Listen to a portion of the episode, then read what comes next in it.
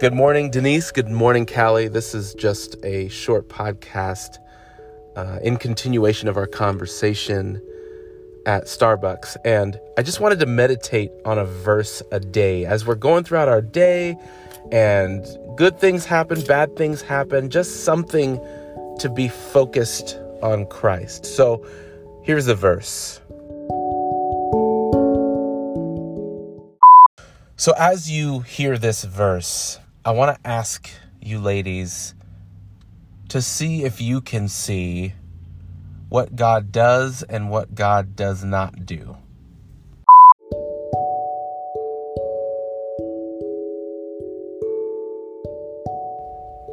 All right, it says, For God did not send the Son into the world to judge the world, but that the world might be saved through him.